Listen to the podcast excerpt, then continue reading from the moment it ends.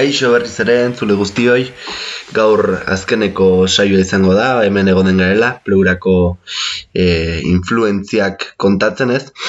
Eta, bueno, pixket zaila izan da gaurko saioa egitea, gehien bat, e, oraindik talde pile bat sartu gabe daudelako. Eta orduen segurazki bertziek baino desordenatuagoa izango da edo ez, baina pixket e, lau saio hauek borobildu nahian eta eta zuek e, guri alik eta hobekien ezagutzeko asmoz, ez? Hasiko gara musika klasiko pixket batekin, e, bajen obra bat kasu honetan, e, Brandenburgoko kontzertuetako seigarren mugimendua, hirugarren zatia, hemen txeduzue.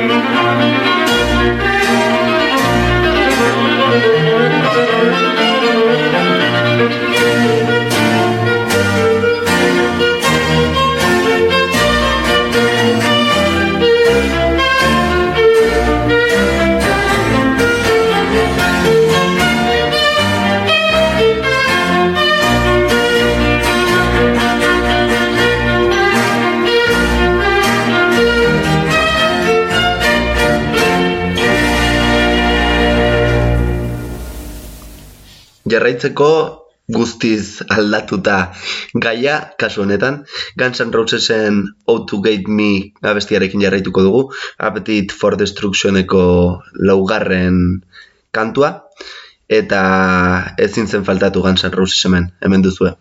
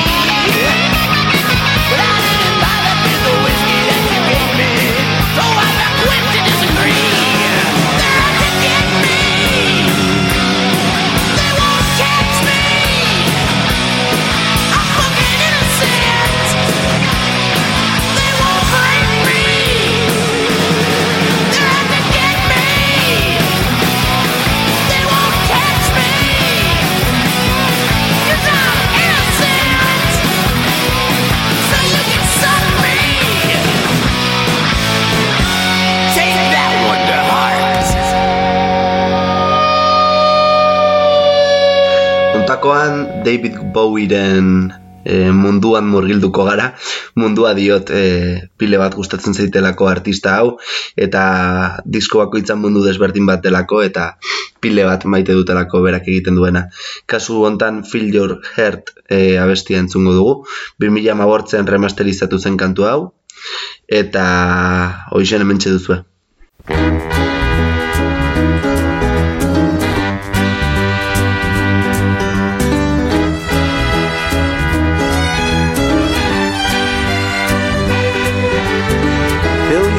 With love today. Don't play the game of time. Things that happened in the past only happened in your mind, only in your mind. Oh, forget your mind and you'll be free. Yeah. The writing's on the wall.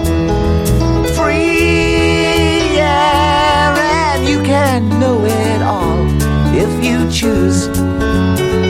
Just remember, lovers never lose, cause they are free of thoughts unpure and of thoughts unkind. Gentleness clears the soul, love cleans the mind and makes it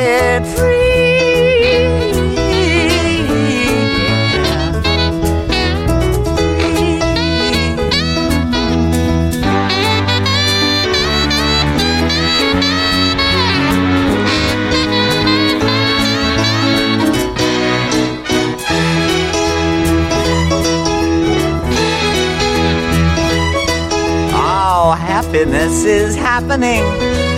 Dragons have been bled.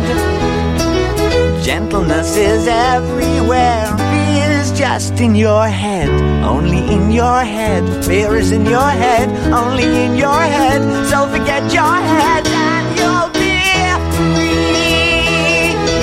The writing was on the wall.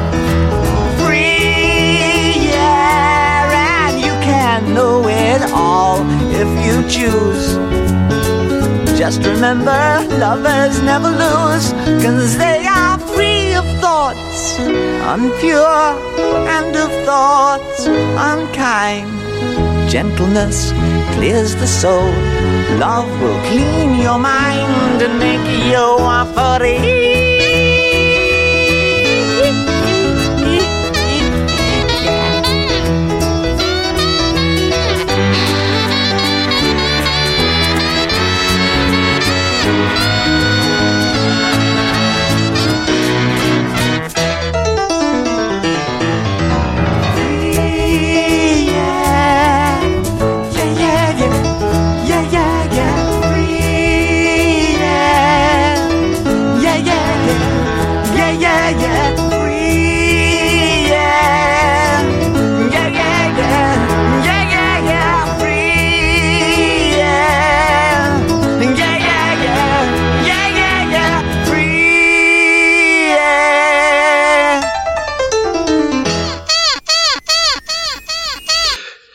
Jarraituko dugu, ontakoan Andaluzia araño bajatuko gara eta ofunkilloren enrede sentzungo dugu.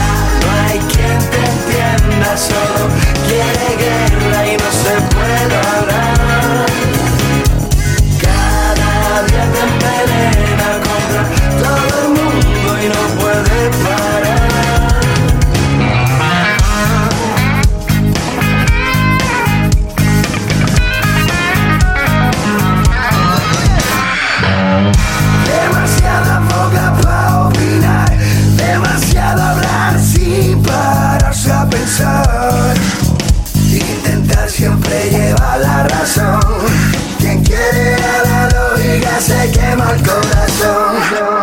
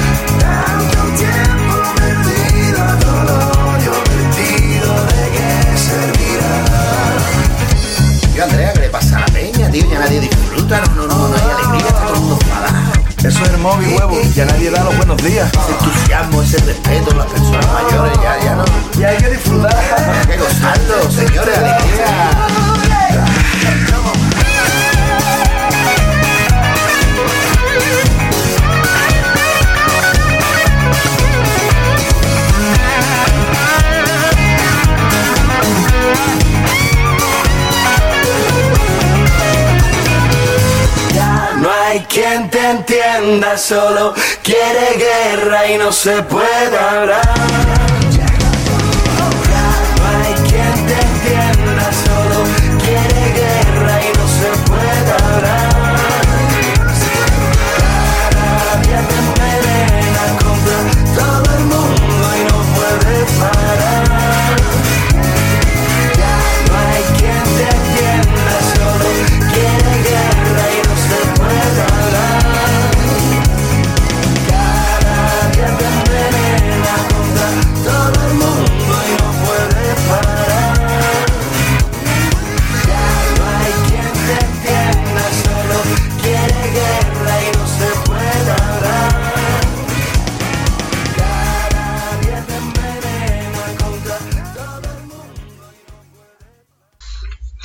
Aintzineko funkio izan da eta jarraitzeko Falls taldearekin jarraituko dugu Hummerra bestia.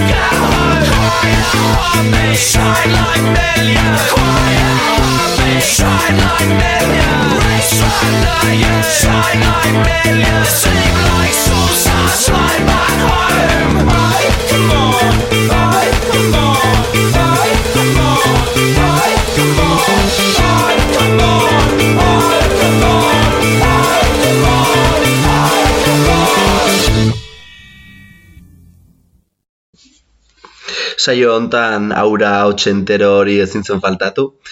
Eta jarraitzeko Kate Bushekin jarraituko dugu. Running Up That Hill abestiarekin pile bat gustoko dut kantu hau. Eta uste dut pleuran nabaritzen direla gehien bat estribilloetan eta olako zatitan influentzia popero hauek. Hemen duzue.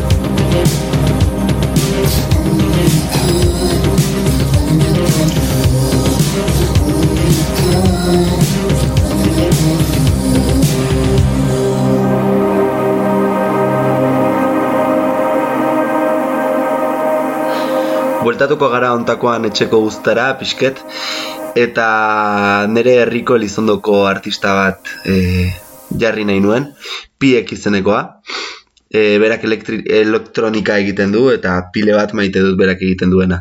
Kuriosatit, kuriositate bezala hasieran entzuten diren eskiloiek nire etxondoko behiak dire. Gozatu, hemen duzu, piek.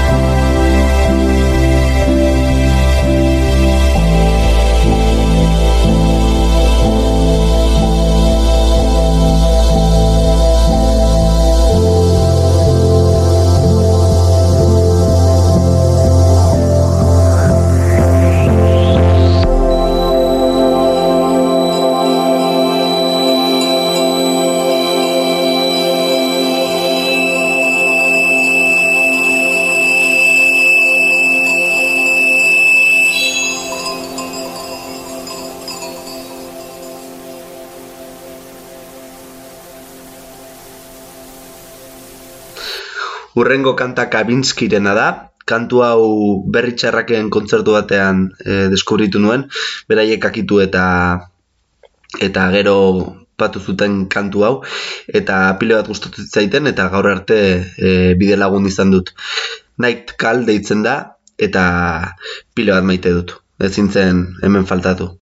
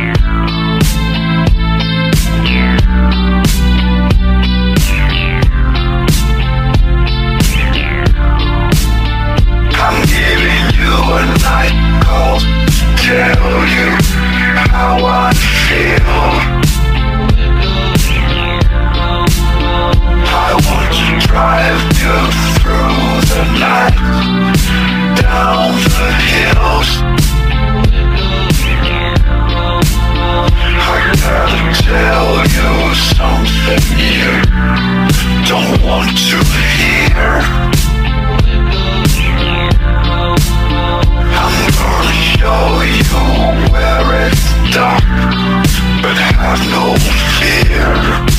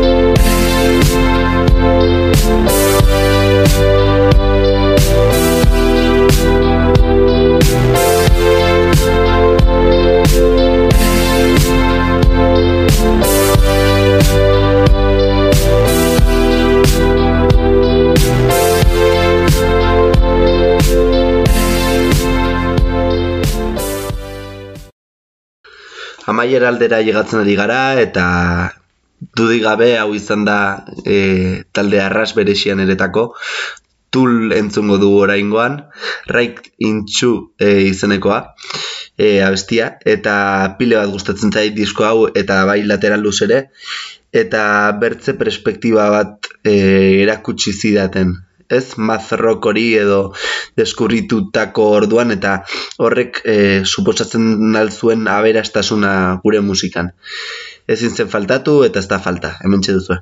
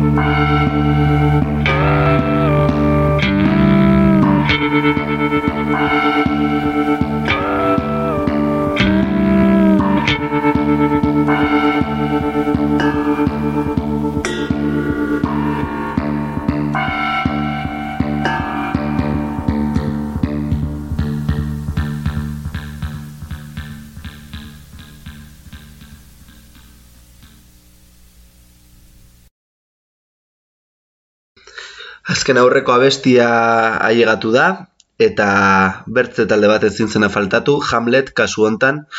Uste dut beraien azken diskako abestia dela, ez nago ziur, az, ez ga, pixket galdu diet pista eta ez diet sobera segitu azkeneko urte hauetan. Kantua no se decir adios deitzen da, eta pile bat maite dut. Influentzia arras potentea izan da talde hau, eta kanta hau gehien bat.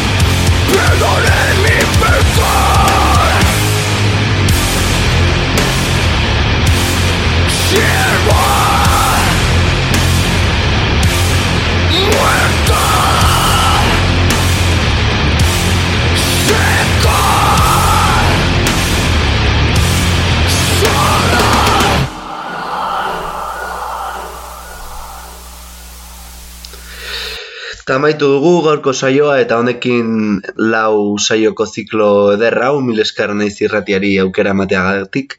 Plazer bat izan da hemen egotea, zuekin, eta formatu hau probatzea, ez? E, irratia probatzea, modu honetan, ez? Eta kitzeko e, Nine Inch Nailsen kantu bat entzungo dugu Every day is exactly the same izenekoa Pile bat maite dut Nine Inch Nails Eta modu hona iduritzen zait ziklo hauak itzeko Talde pile bat falta ire, influentzia pile bat falta ire Bertzelau saio dako denbora izango genuen seguro baiet Baino uste dut e, nahiko ongi burobildu dela Eta honekin pixketo be ezagutzen algaitu zuela Espero dut disfrutatu izana, ez badituzue saioak entzun naizen webgunean egonen dire lau saioak entzun gai, eta horrengo bat arte, plazer bat izan da. Aio!